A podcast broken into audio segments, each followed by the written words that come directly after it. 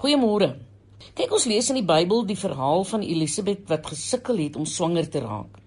Nou, in daardie dae is 'n vrou wat nie 'n kind kon baar nie geminag. En laat in haar lewe het Elisabet uiteindelik verwagtend geraak. Sy was natuurlik baie opgewonde omdat sy in staat was om 'n baba te hê. En Elisabet was die eerste paar weke in vervoering. Haar droom was besig om waar te word, maar soos die bevallingsdatum nader gekom het, het sy bekommerd geraak. Sy het nog nie tevore 'n baba gehad nie en sy het gehoop en gebid dat alles in orde was, maar 3, 4, 5 maande het verbygegaan en sy het nog geen beweging gevoel nie. Sy het algaande erg besorg geraak oor die baba se welstand. Toe klop iemand op 'n dag onverwags aan die deur.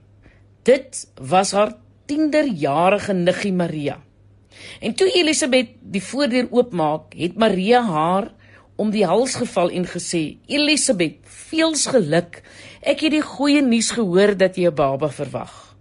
Die Bybel sê: "En toe Elisabet die groet van Maria hoor, het die kindjie in haar skoot opgespring. Ons lees daarvan in Lukas 1 vers 41. Nou Elisabet het op daardie oomblik geweet haar kindjie lewe. Sy het geweet die belofte aan haar was besig om vervul te word. En God laat uitgesoekte mense jou lewe betree om jou baba te laat opspring. Hoor wat ek sê. Hulle is positiewe gelowige mense wat jou gaan bystaan om jou drome te verwesenlik en God se beloftes aan jou in werklikheid te maak. Kyk, Maria was natuurlik 'n goddelike verbintenis wat deur die almagtige God, die skepper van die heelal gestuur is om hoop, geloof en visie in Elisabet se lewe te vestig. Dit was nie eens nodig dat Maria iets diepsinnigs moes sê nie. Net deur te groet het sy die belofte in Elisabet se binneste geaktiveer. God God het jou eie Maria reeds in posisie geplaas. Wanneer jy die regte mense ontmoet, hoef hulle maar net goeiemôre te sê en jou droom sal opspring. Sulke mense is wonderbaarlike verbintenisse. Maar jong, jy moet op jou hoede wees. As jy voortdurend die deur oopmaak sonder dat jou drome opspring, maak jy dit vir die verkeerde mense oop. Moenie oopmaak vir iemand wat skinder of kla of jou wil gebruik nie. Maak die deur net oop vir hulle wat jou begeester, vir hulle wat jou bemoedig en aanspoor om jou Godgegewe roeping te vervul. Maria was swanger met Jesus, die seun van God. Elisabet was swanger met Johannes die Doper. En toe die belofte in Maria by die belofte in Elisabet aansluiting vind, was daar 'n geloofsontploffing. Jy sien wanneer jy bande smee met die regte mense, met mense wat groot dinge droom en groot dinge doen, sal die belofte in jou 'n band vorm met die belofte in hulle.